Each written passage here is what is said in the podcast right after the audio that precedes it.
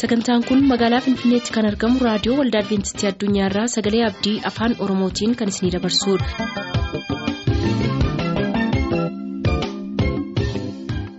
Jaalalaaf nagaan waaqayyoo bakka jirtanitti isiniif haa baay'atu kabajamtoota dhaggeeffattoota keenyaa nagaan keenya inni kabajaa bakka jirtanitti isin haa qaqqabu. Jalqabbii sagantaa keenyaa hawwiidhaan akka eegaa jirtan hin abdanna. Maarreenus kunoo sagantaalee adda addaa qabannee dhiyaanneerra. Amma xumura sagantaa keenyaatti nu waliin tura.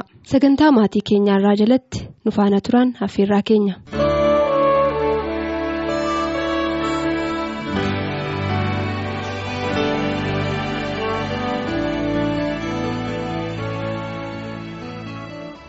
Akkam jirtu dhaggeeffatoota sagantaa reediyoo Adiveentistii addunyaa bakka jirtan hundumaatti nagaan waaqayyoo waaqa jiraataa isin haa ga'u jechuun jaalladha. Guyyaa irraa qabannee kan dhiyaanne mata duree sagantaa maatii jedhu jalatti gaa'ilaaf maatii kan jedhu walii wajjin ilaalla. Sana dura garuu iddoo jirrutti mataa keenya gadi qabannee waaqayyoo karaa hundumaaf haala hundumaa keessatti akka nu gargaaruuf hin kadhanna. Barabaraan mootee waaqaaf lafarratti kan jiraattu.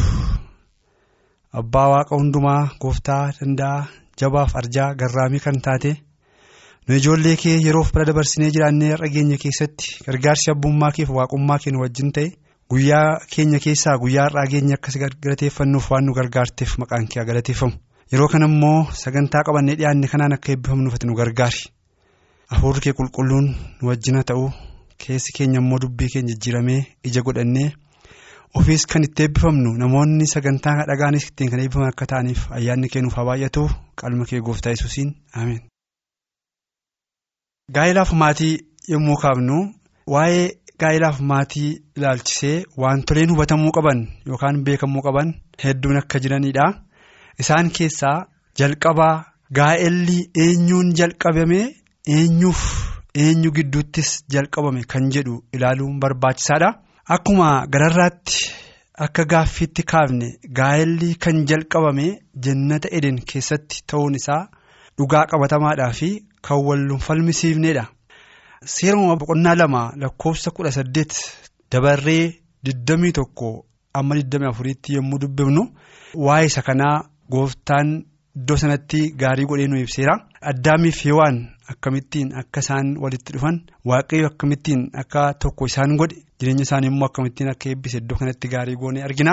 Kanaaf egaa gaa'elli kan inni jalqabame jannata eden keessatti ta'eetu nama lama gidduutti kan inni jalqabame nama lamatu dhufee nama tokko ta'ee maatii ijaarratee gaa'ela dhaabbateetu maatii ta'ee waamamee jechuudha. Kanaaf. Eenyuun jalqabame isa jedhu immoo yommuu dabarree ilaallu gaa'elli jalqabaa waaqayyoon dhaabame waaqayyoo gaa'ela kana akkuma amma dubbanne addaamiif yoo waan gidduutti dhaabee inni eebbisee tokko isaan godhee walii wajjinis jaalalaaf nagaan waliigalteedhaan akka isaan jiraatanii namoota kana waaqayyoo walitti fidee jechaadha. dhalaaf dhiira gidduutti kana yommuu jennu gaa'elli jechuudha gaa'elli kan dhaabame dhalaaf dhiira gidduutti yommuu ta'u kana yommuu jennu immoo gaa'elli waaqayyoon. Eebbisee dhalaa tokkoo fi dhiiraa walitti fidee malee dhiiraaf dhiira yookaan dhalaaf dhalaan akka hin turre hubannaa jechuudha. Kanaaf karoorri waaqayyoo egaa gaa'ela yommuu dhaabu dhalaa tokkoo fi dhiira tokko walitti fideetu akka isaan gargaaraaf gargaartuu ta'anii maatii ijaarratanii bultoo ijaarratanii jiraatanii maatii horatanii fi waaqayyoo dhalaa tokkoo fi dhiira tokko walitti fidee nama lama kan turan nama tokko isaan godheetu jireenya akka isaan jalqaban akka inni godhe argina. Egaa yaada waaqayyoon alaa gaa'elli raawwatamu yoo jiraate akkuma amma kaafne jechaadha. Karoorri waaqayyoo fi yaadni waaqayyoo dhalaan tokkoof dhiirri tokko walitti dhufee gargaaraaf gargaartuu ta'anii mana ijaarratanii bultoo ijaarratanii akka isaan ijoollee horanii eebbifamanidha karoorri waaqayyoo. Gaa'elli yaadaaf karoora waaqayyoon ala dhaabbate egaa gaa'ela eebbifamaa akka inni hin taane yookaanis immoo yaada waaqayyoon ala akka inni ta'e argina. Kana jechuun maal jechuudha tarii dhiiraaf dhiira gidduutti dhalaaf dhalaa gidduutti kan ta'e yoo jiraate gaa'ela kan hin eebbifamne. Akka hin taane hubanna ammas hubachuun yookaan beekuun kan nurra jiru kakuun yookaan seerri gaa'elli kan inni raawwatu dhiiraaf dhalaa amantiin isaanii tokko ta'e gidduutti ta'uusaati kan hubachuun nurra jiraatu. Amantiin tokko ta'uutu irra jiraata gaa'ela dhaabbachuu yookaas immoo mana ijaarrachuu keessatti sababiinsaa booddee rakkina uumamu maatii gidduutti yookaan gargaaraaf gargaartuu gidduutti rakkina uumamu hambisuudhaa fi utuu gara gaa'ilaatti hin seeniin fuula dura amantiin warra walitti dhufanii kun tokko ta'uu kan cimuuf jabaachuun amantii isaanii irratti walii galuun bultoon isaanii jaalalli isaanii kadhannaan isaanii tajaajilli isaanii akka hin eebbifamuu fi isaanii tokko ta'uun akka irra jiraatu nu yaadachiisa. Jaalalli yaa gaa'ela gidduutti raawwatamu jaalala bara baraati. Kakuun guyyaa gaa'elaa raawwatamus kakuu namoota lamaa fi waaqa gidduutti raawwatamuudha. Jaalalli gaa'elaa gidduutti raawwatamu jechuudha.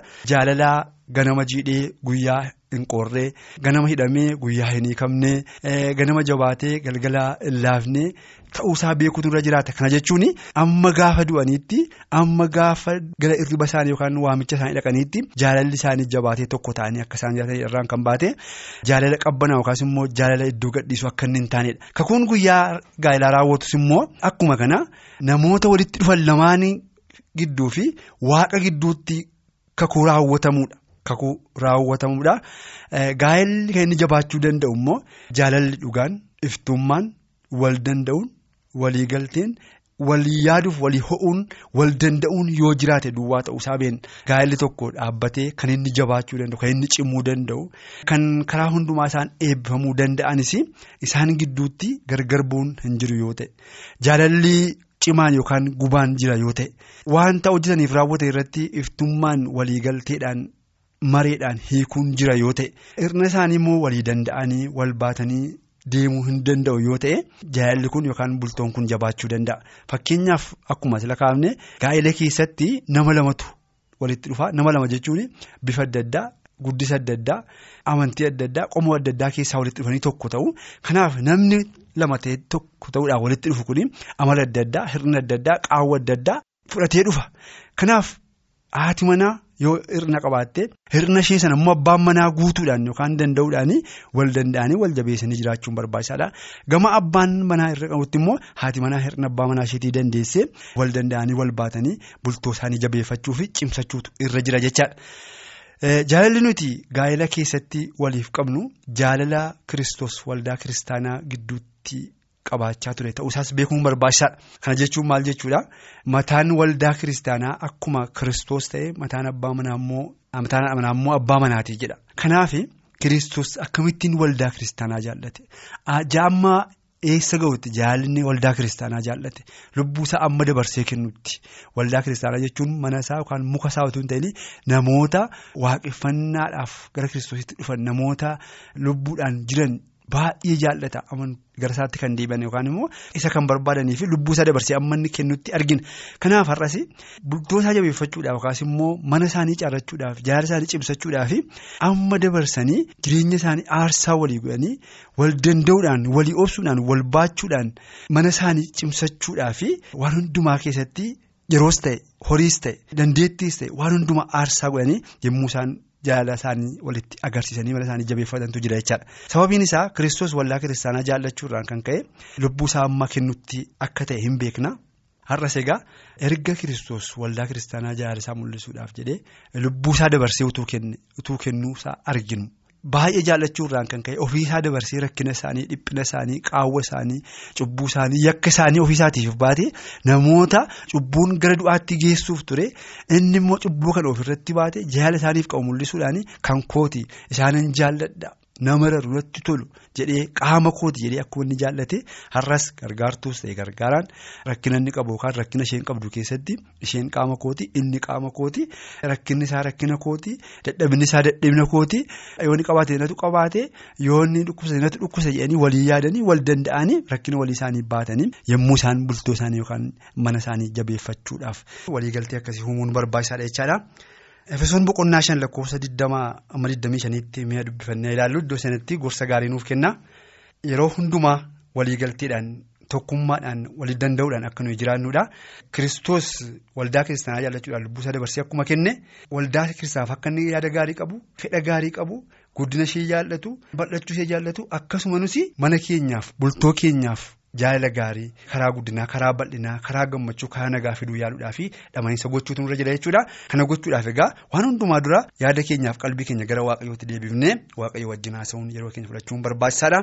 Akka lakkoofsa 25 irraa dubbifnutti sagaleen waaqayyoo iddoo kanatti maalluun jedha.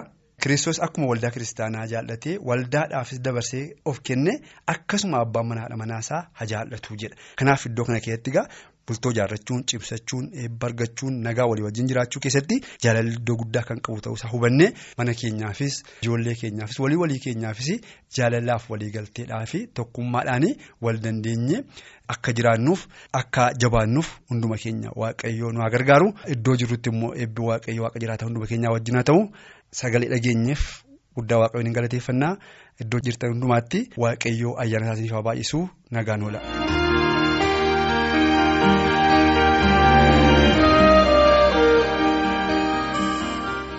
Turtanii kan raadiyoo keessan banattaniif kun raadiyoo waldaa adventistii addunyaadha sagalee abdii. Muuziqaa kanaan gara sagalee waaqayyootti haa dabarru.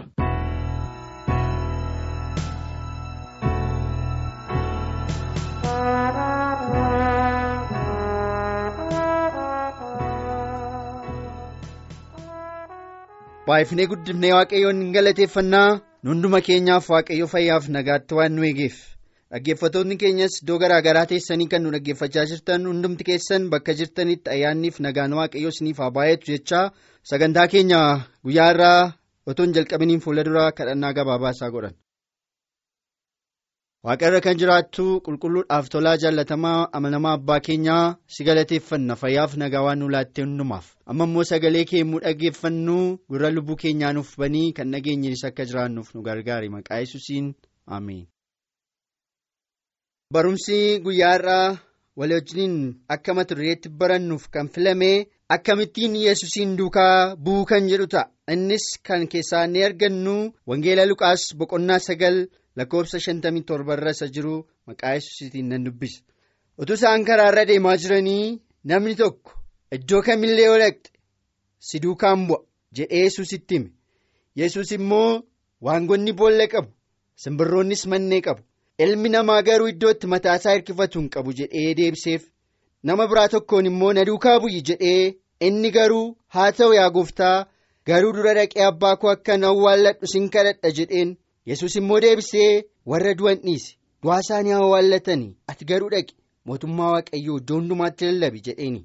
Ergasii namni biraan tokko yaa gooftaa si duukaa nan bu'a garuu dura dhaqee warra manaa kootti nagaa akka dhaamuuf sin kadhadha jedhe. Yesus immoo eenyullee warra harkaan qabatee gara booddee isaa ilaalaan qota akkasumas namni kana fakkaatu hojii mootummaa waaqayyoo keessatti hin ta'u jedheeni dhaggeeffatoota keenyaa iddoo kanatti namoota sadii argina. namoonni hundi isaanii yesuusiin duukaa bu'uu kan barbaadan turaniiru. Garuu yaada garaa garaa qabaataniiti yesuusiin duukaa bu'uu kan barbaadan. Namni jalqabaa yesuusiin maal jedhe? Yesus utuu inni karaa irraa deemaa jiru iddoo kamillee yoo ati dhaqxe? Ani si duukaa nan naqa iddoo ati dhaqxu iddoo rakkisaas yoo ta'e iddoo kamillee yoo ta'e si duukaa nan naqa yaa gooftaa ittiin jedhe. Yesus immoo maal ittiin jedhee? Simbirroonni mannee qabu waangonnis boolla qabu kan itti galan. ilmi namaa garuu iddootti mataasaa hirkifatu hin qabu ittiin jedhe. Maaliif yesus deebii akkanaa deebiseef namicha kanaaf? Deebii yesus deebiseef keessa isaatti maal of keessaa qaba? Jireenyaan jiraadhu. Jireenya mijataa sitti hin fakkaatin. Ani ofii kootii waanan keessa jiraadhu mana iyyuu hin qabu waanan ta'eef simbirroonni immoo mannee qabu waangonni iyyuu boollatti galan qabu. Ani garuu kana iyyuu hin qabu. Sana jechuun maachuudhaa na duukaa bu'uu sin barbaachisu jechuusaati maaliif yaada namicha sanaa argeera. namichi sun maal yaadee jira? Yesuusiin duukaa bu'uun jireenya mijataa jireenyuma yeroo hundumaa tasgabbii jireenya nagaatti jiraatu fakkaateeti. Duuka buutonni gooftaa yesus kiristoos al tokko tokko garuu rakkinni jiraachuun hin jira bu'aa bahiin rakkinaa bu'aa bahiin jireenyaa baay'ee qabaachuu danda'a. Yesuusii wajjiniin deddeebi'uun. Garuu namichi kun yaada isaa keessatti kana waan tokkoyyuu yaan yesuusii wajjin deemuun yesuusii wajjin jiraachuun yesuusiin amanuun gaafa hundumaa jireenya walqixxaataa jireenya mijataa fakkaatee waan itti mul'ateef garaa namicha kanaa argeera. isa lammaffaatiin immoo maal ittiin jedhe? Na duukaa bu'u ittiin jedhe yesus namicha sanaan. Inni garuu dura abbaa koo dhaqee akka nan awwaalladhuuf achi booddee abbaa koo eega nan awwaalladhee booddee immoo si duukaa nan bu'a ittiin jedhe yesus maal ittiin jedhe. Dhiisi warra du'aa isaanumti haa awwaallataniiti ati garuu kottuuti na duukaa bu'u ittiin jedhe. Firoottanii dhaggeeffattoota garaa tokko tokko keenyaa waaqayyo hin arga. Maaliif yesusiin duukaa bu'uu filanne nuyi? Yesusiin duukaa bu'uu filachuun keenya maaliif. jireenya mijataa barbaanneetii biyya lafaa kana keessatti namoota hundumaa caallee jiraachuu barbaanneetii ee dhuguma yesuusii wajjiniin jiraachuun gaarummaafi garuu yesuusii wajjin jiraachuun aarsaa kaffaluus hin barbaada. Kanaaf iyyuu yeroo yesuusiin duukaa bu'uudhaaf filannu aarsaa rakkinni garaa garaa nutti dhufe aarsaa kaffaluu danda'utu nurra jiraata. Kan biraan immoo namichi inni lammaffaa immoo yesuusiin duukaa bu'uuf wantoota dursuu qabu kaa'e duraan dursee abbaa koo akkana waalladhuuf naaf eeyyameen garuu. Maatiyoos boqonnaa ja'a lakkoofsa soddomii sadii keessatti immoo maal jedhaa duraan dursaatii mootummaa waaqayyoo barbaadadhaa egaa tolli hundumtuu sitti isiniif hin dabalamaa. Kanaaf iyyuu nuyi duraan dursinee mootummaa waaqayyoo barbaaddachuutu nurra jira otoo isaan keenyaa keessatti hin dabalin jechuudha. Egaa kan waaqayyoo dursinee booddee inni kan biraan guutuu guutummaatti ittiin dabalama. Inni kan biraanis maal jedhe? Yaa gooftaa si duukaa nan bu'a. Garuu dura dhaqee warra manaa kootti nagaa akka naamuuf sin kadhadha innis maal jechuudha kunis? Ani si duukaa nan bu'a. Garuu harka koosa kan biraatti yookaan iddoo kan biraatti waan kan biraan hojjedhaa jechuu barbaadeeti yesus immoo maal ittiin jedhe. Namni hordaa harkaan qabatee gara booddee isaa ilaalaa qotisa qotuu hin danda'u. Akkanumas namni mootummaa waaqayyoo keessatti galuu yoo barbaade hojii mootummaa waaqayyoo hojjechaa waan kan biraa hojjechuu isaaf hin malu. Kanaaf iyyuu dhaggeeffattootaan hundumti keenya warri mana waaqayyoo keessa hojjennu warri yesus duukaa bu'uudhaafis fedha qabnu duraan dursinee jireenya biyya lafaatti adda ba'uun nurra jiraata. Maaliif miila keenya tokko mana waaqayyoo keessa keenye miila keenya isa kan biraa immoo yookaan jiruu keenya kan biraan immoo gara biyya lafaa ilaaluun nurra jiraatu. Guutuu guutummaa keenyaan jireenya keenya guutuudhaan yaada keenya guutuudhaan kiristoosiin duukaa bu'uutu nurra jiraata. Kanaafidha kan yesus ittiin jedhe namni hordaa harkaan qabatee gara booddee ilaalaan qotu akkanumas namni mootummaa jiruu mootummaa waaqayyoo keessatti akkuma kana. Miila tokkoon mana waaqaa keessa jiraachaa yaada keenya kan biraan immoo hojii biyya lafaa hojjechaa kiristoos duukaa bu'uu hin dandeenye. Namoota goomsuu hin dandeenye. Garuu waaqayyoon gonkumaa goomsuu hin dandeenyu waaqayyoo inni jiraataan yaada keenya qoree ilaala. Waan nuyi garaa keenyatti yaadnu beeka. Waan nuyi sammuu keenyatti yaadnu. Hundumaa waan beekuuf yaada keenya guutuudhaan jireenya keenya guutuudhaan yesuusiin duukaa buutu nurra jiraata. Jiruu biyya lafaa kana hundumaa gannee jireenya biyya lafaa kana hunduma isaa dhiifnee dabarsinee jireenya keenya kiristoositti laannee isaaf hojjechuutu nurraa barbaachisa malee qaama tokkoon gara tokkoon kiristoosiin fakkaachaa. gara kan biraan immoo yaada biyya lafaa ol kaasaa yookaan yaada biyya lafaa deeggaraa namni tokko iyyuu duuka buutuu kiristoos ta'uu hin danda'u. Namoota biratti ija fooniitiin yeroo ilaalamu tajaajilanni mana waldaa keessatti kennu yeroo ilaalamu namoota biratti duuka buutuu kiristoos fakkeessuu hin danda'a. Garuu gooftaan dhuunfaa dhuunfaa keenyatti nu beeka. Hojii nu hojjennu hundumaa hojiin nu arga. Yaada nuyi yaadnu hundumaa in arga keessa keenyatti. Kanaaf iyyuu hundumti keenya hojii waaqayyoo hojjechuudhaaf. Gara mana isaatiitti kan dhufnes haa ta'u gara mana isaa dhufuudhaafis yaada kan qabnu yoo ta'e jireenya keenya guutuudhaan yaada keenya guutuudhaan kiristoosiin duukaa bu'uu danda'utu nurra jiraata. Kan hundumaa gochuu akka dandeenyuuf waaqayyo hundumaa keenyaa gargaaru ayyaanniif nagaan waaqayyoo hunduma keessaniif haa baay'atu nagaan tura.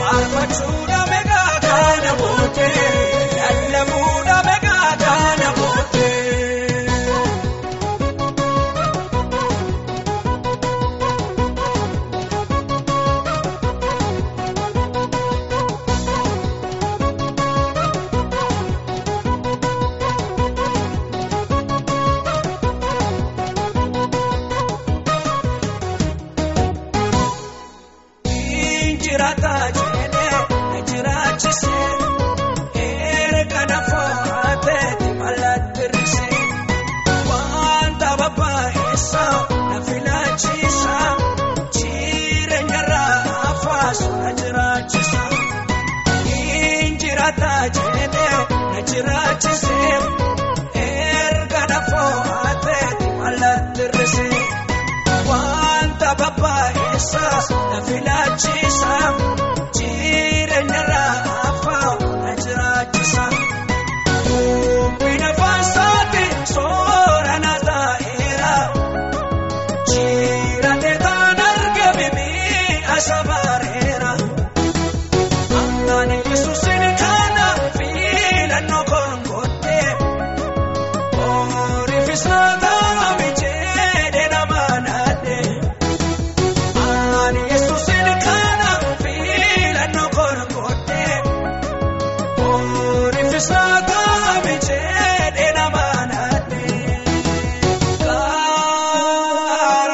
meeqa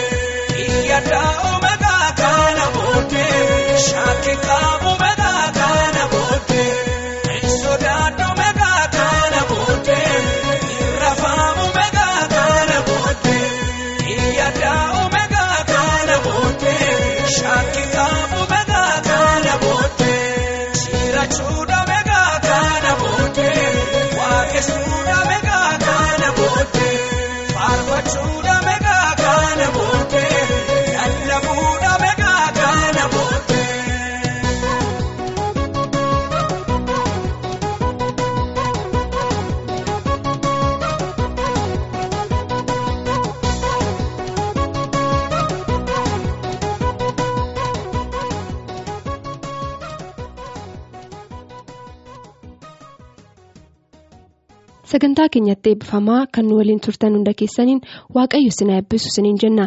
Sagantaa keenyarraa asumaan xumur. Sagantaa keenya irratti yaaduu qabaattan nu barreessaa siniin jenna. Teessoo keenya kan barbaaddan maraaf raadiyoo waldaa adventistii addunyaa lakkoofsaanduqa poostaa 455 finfinnee jedhaa nu barreessaa raadiyoo waldaa adventistii addunyaa lakkoofsaanduqa poostaa 455 finfinnee.